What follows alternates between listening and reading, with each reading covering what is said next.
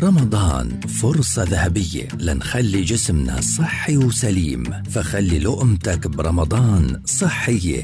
لقمة رمضانية. برنامج بتقدم لنا فيه أخصائية التغذية آية الفار. نصيحة صحية ذهبية في كل بودكاست. لقمة رمضانية يأتيكم خلال شهر رمضان في مثل هذا الموعد عبر أجيال.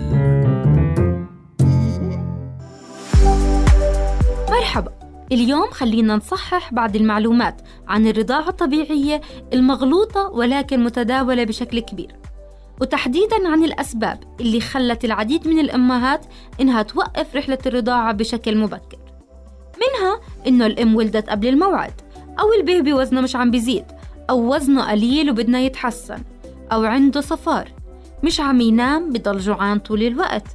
رجعت الأم على الشغل حليبها مش كافي الأم ضعيفة ووزنها قليل وأكلها مش منيح أو حتى صار عمره فوق السنة خلص الحليب بطل يفيده وهون منبدأ رحلة بداية إدخال أحد بدائل الحليب وبقل مخزون الحليب وبصير عنا فطام مبكر.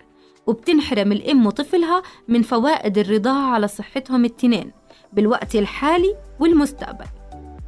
الواقع إنه غالبية الأمهات عندهم القدرة على الإرضاع بشكل كامل وجميع التحديات اللي ممكن تواجهك كأم أنت قادرة أنك تجتازيها لما يكون عندك التثقيف يعني المعلومات والأدوات الصحيحة أثناء فترة الحمل وبعد الولادة.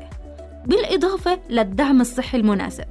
من المهم جدا عدم مقارنة الأطفال بالآخرين واستشارة مختص طبيب طفلك ومستشارة الرضاعة في حال الشك بوجود مشكلة معينة قبل اتخاذ أي قرار بخصوص تغذية طفلك. تابعونا بشكل يومي خلال شهر رمضان المبارك بمزيد من النصائح والإرشادات المتعلقة بصحة أفراد جميع العيلة. معي أخصائية التغذية ومستشارة الرضاعة آية الفار ضمن برنامج لقمة رمضانية